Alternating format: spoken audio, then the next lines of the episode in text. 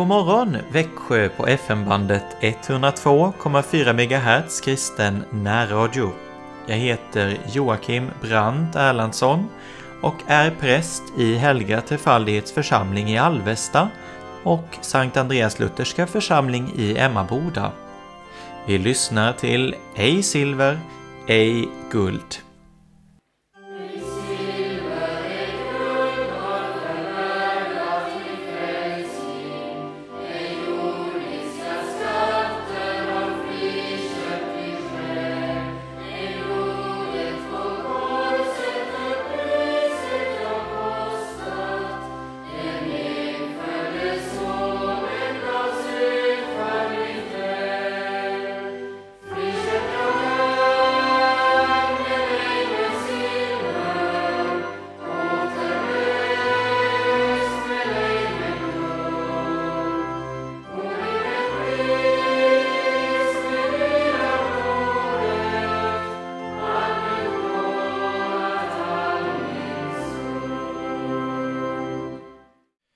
Vill jag önska er alla ett gott nytt år och må det bli ett gott nytt år då vi ser att Jesus är vårt enda hopp som vi nu ska fortsätta att läsa i en bok av Wilhelm Busch.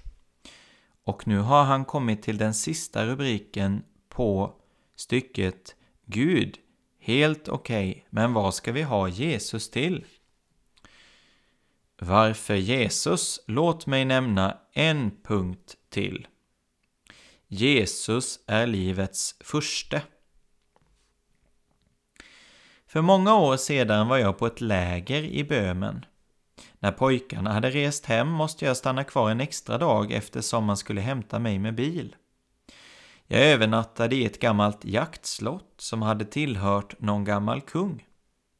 Nu bodde där bara en skogsvaktare Huset var halvt förfallet, det fanns inget elektriskt ljus. Men det fanns ett jättestort rum med en öppen spis som man hade eldat i. Man ställde fram en fotogenlampa och önskade mig godnatt. Där ute ven stormen. Regnet piskade genom granarna som stod runt om huset. Det var en plats där man skulle kunna få vara med om en rövarhistoria. Och ovanligt nog hade jag inte tagit med mig något att läsa. Då hittade jag en liten broschyr på spiselhyllan och började läsa i skenet från fotogenlampan. Men något så förfärligt hade jag aldrig tidigare läst. I den lilla skriften hade en läkare tömt ut hela sitt raseri mot döden. Sida upp och sida ner lät det ungefär så här.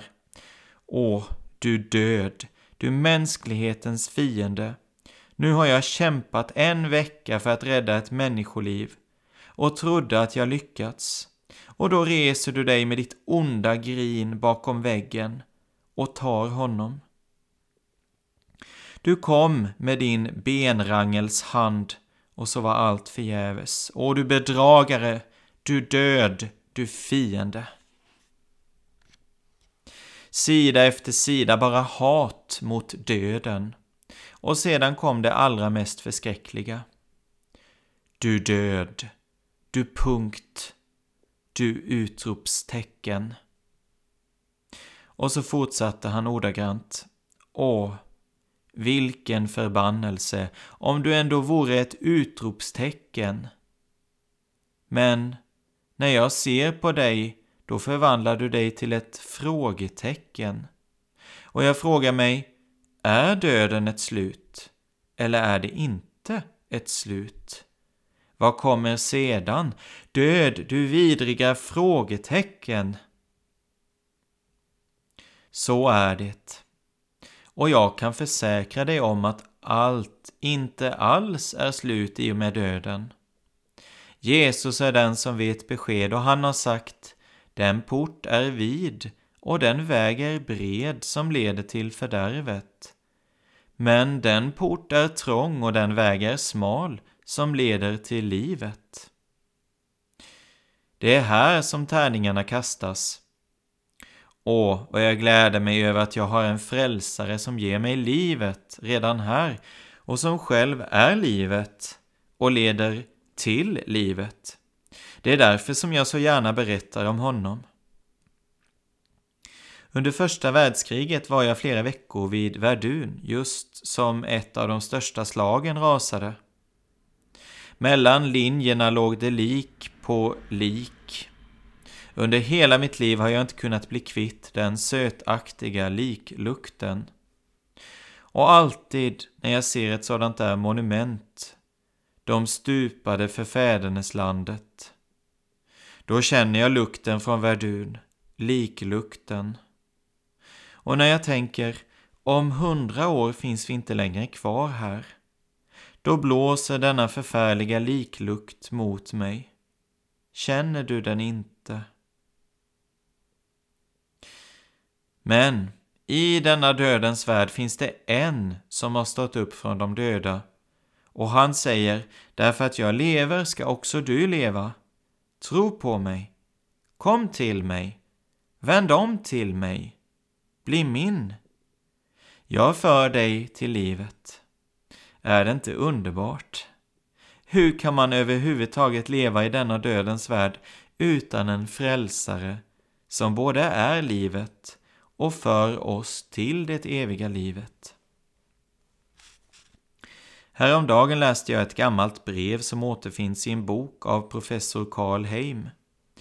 Det är ett brev från en kristen soldat som föll i Ryssland under andra världskriget. I brevet står det ungefär så här. Det är kusligt runt omkring oss. När ryssarna skjuter med sin Stalinorgel, då grips vi alla av panik. Och kylan. Och snön. Förskräckligt. Men jag är inte alls rädd.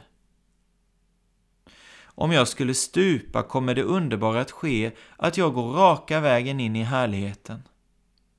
Då tystnar stormen och jag ser min Herre ansikte mot ansikte och hans glans omger mig. Jag har ingenting emot att stupa här. Kort efteråt stupade han. När jag läste detta brev måste jag tänka så här. Vad fantastiskt det är att en ung man inte längre är rädd för döden eftersom han känner Jesus. Ja, Jesus är livets furste och han ger dem sina ett tillförlitligt hopp om det eviga livet. På kyrkdagen i Leipzig var det mottagning i rådhuset. Topparna bland myndighetspersoner och prelater var församlade. Och så höll man tal. Så lite förpliktande som möjligt så att man inte skulle trampa varandra för mycket på tårna. Heinrich Giesen, dåvarande generalsekreteraren för den tyska evangeliska kyrkdagen, höll sista talet. Jag kommer aldrig att glömma hur grisen reste sig och sa Ni frågar oss, mina herrar, vad vi är för slags folk. Jag vill svara på det med en mening. Vi är människor som ber. Käre Gud, gör mig from så att till himmelen jag kom. Och sedan satte han sig. Det var kusligt hur skakade de närvarande på en gång blev. På 1600-talet diktade Paul Gerhardt När jordelivet är förbi och för Guds tron jag träder, då ska ditt blod den purpur bli, var i min själ sig kläder. Därmed jag kan för Gud bestå och in i Faderns rike gå.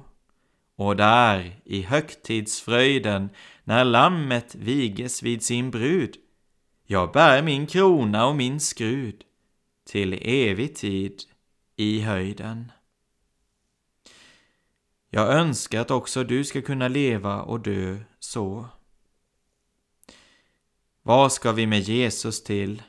Allt beror på om du lär känna honom. Allt.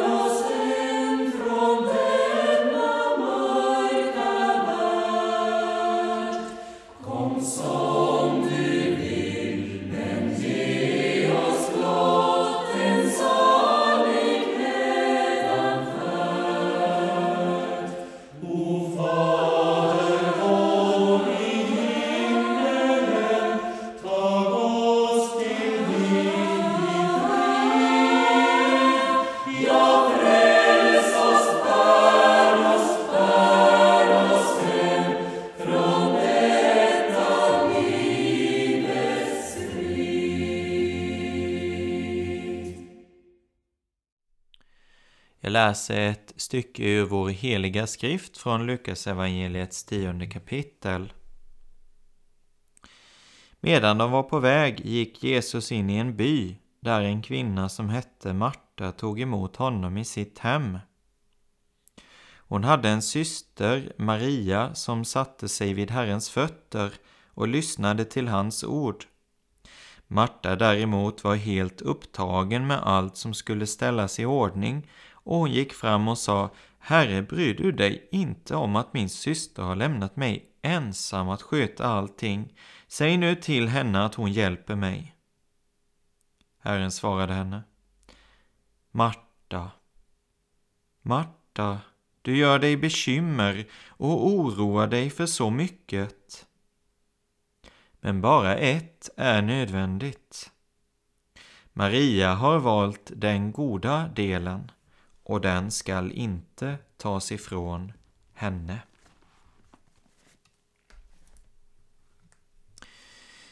Och jag läser en andakt av Hans-Erik Nissen.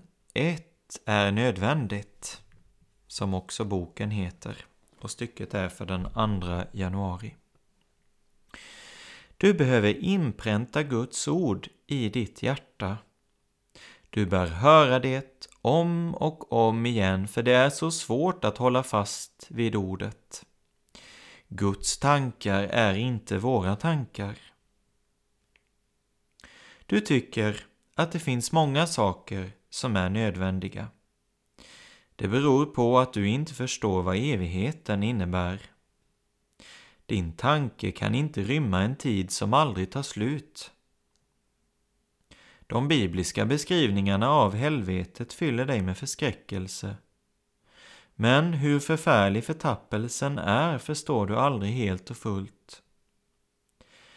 Tanken på himlens saliga fröjd fyller ditt hjärta med glädje, men samtidigt inser du att den rymmer en härlighet som vida övergår allt du kan föreställa dig.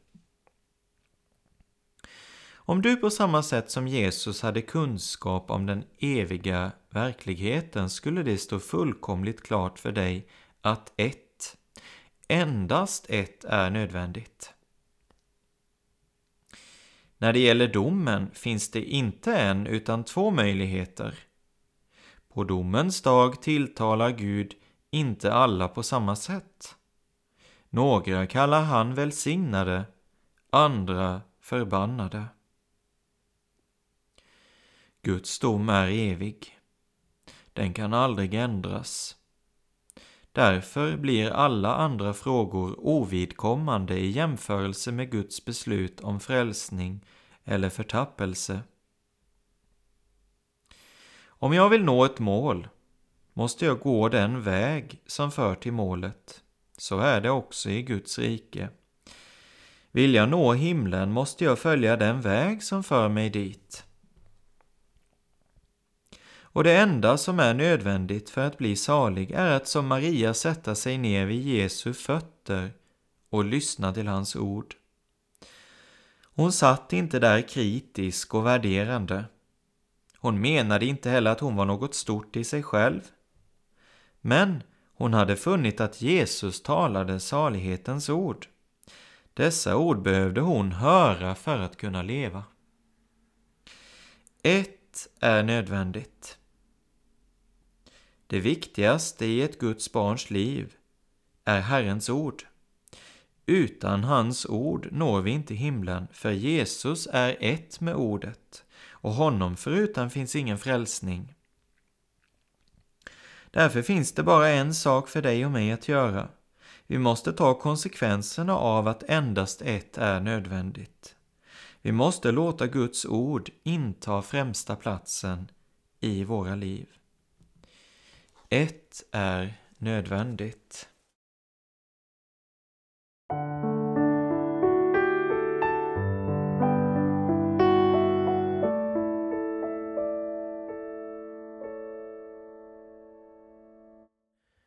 Jag är när er alla dagar och vad tröst det löftet ger när frälsare går med mig vad kan jag väl önska mer? Hela vägen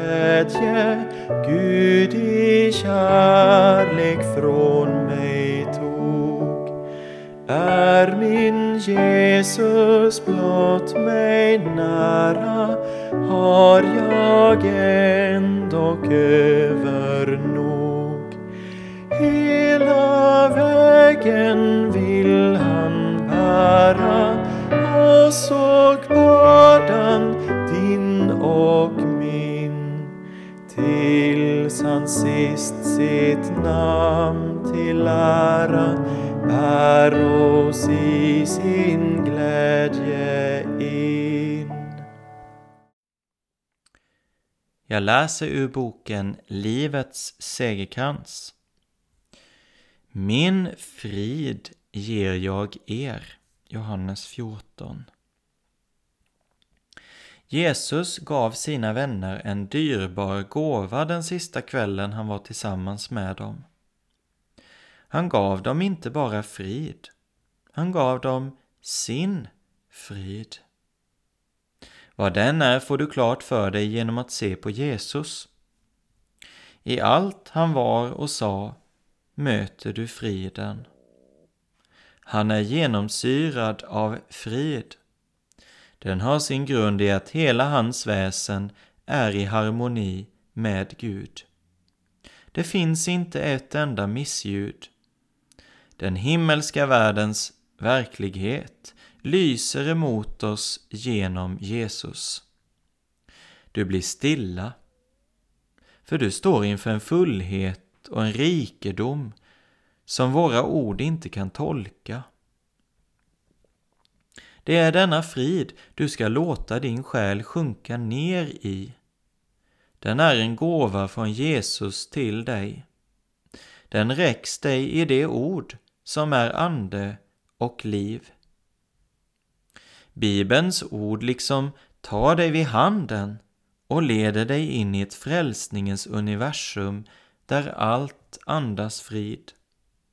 Du står inför ett ansikte som lyser över dig. Det finns ingen synd som skiljer. Du står på blodets grund. Du är ren, obesmittad och helig. Din själ vilar. Allt är fullbordat. Du har del i gudomlig natur.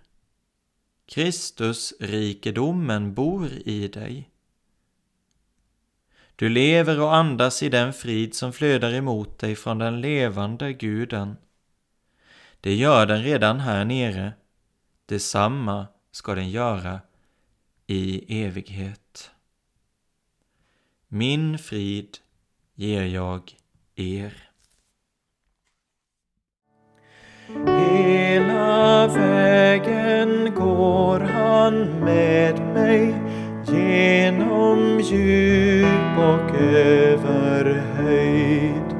Vid vart steg jag tar med smärta, vid vart steg jag tar med fröjd.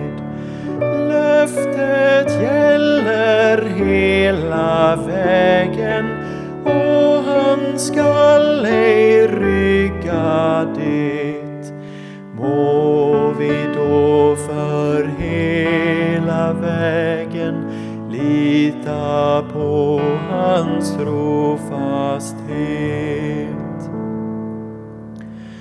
Varje djup och brant han känner, han som först gått denna stig. Varje fara han besegrat, som här lurar än på mig. Hela vägen vill han vara vår ledsagare så huld. Skydda i all nöd och fara och förlåta all vår skuld.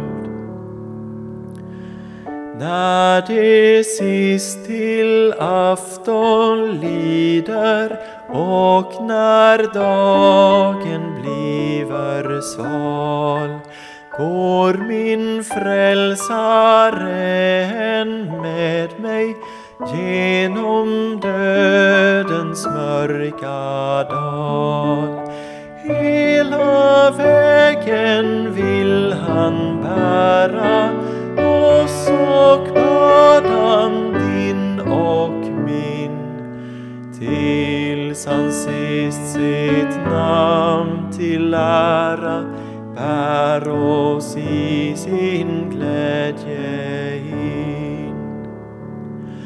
Löftet gäller hela vägen han skall ej rygga det. Må vi då för hela vägen lita på hans trofasthet.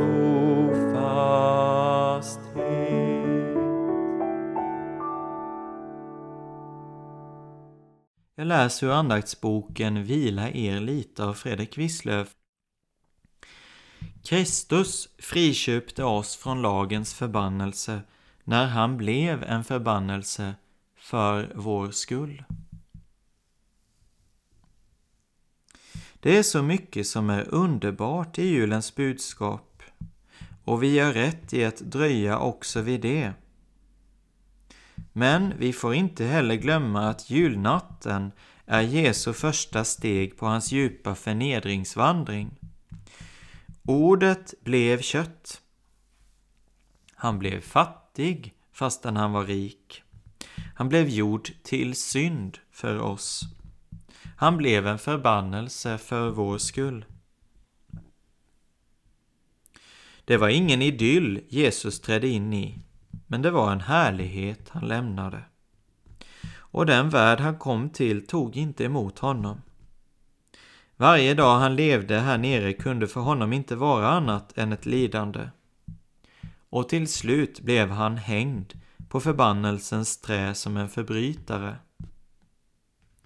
Men just denna fasa visar julevangeliets storhet. Ty så högt älskade han människorna att han var villig att gå in i deras förhållanden för att frälsa dem. Och just genom att själv bli en förbannelse friköpte han oss från lagens förbannelse. Därför att han tog på sig straffet kan vi gå fria. Kristus friköpte oss från lagens förbannelse när han blev en förbannelse för vår skull.